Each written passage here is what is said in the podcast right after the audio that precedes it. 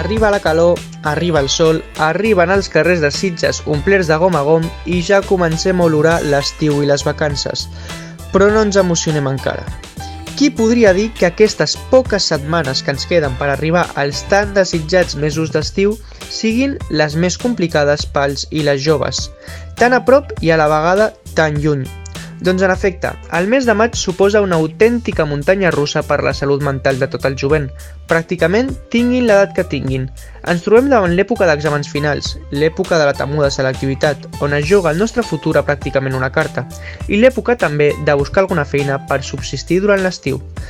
Pot semblar que l'arribada de la calor i de l'olor a mar és sinònim d'oci i festa, però al contrari d'això, el mes de maig i l'inici de juny suposen un moment crític per la salut mental, que es veu no només afectada per la pressió de l'estudi intens, sinó també per les condicions en les quals es dona aquest estudi.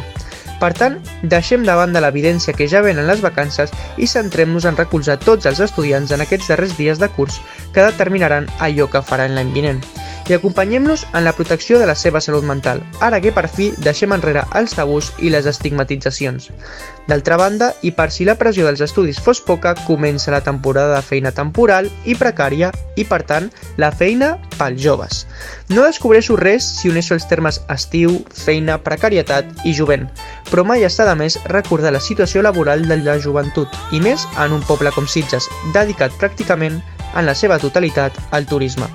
És cert que tant a nivell municipal com estatal veiem un cert canvi en les dinàmiques, però no és suficient. No podem tenir la mirada posada només en l'hostaleria quan pensem en un jove treballant. De la mateixa manera que no és sostenible mantenir tota una generació a base de contractes temporals i precaris en aquest sector.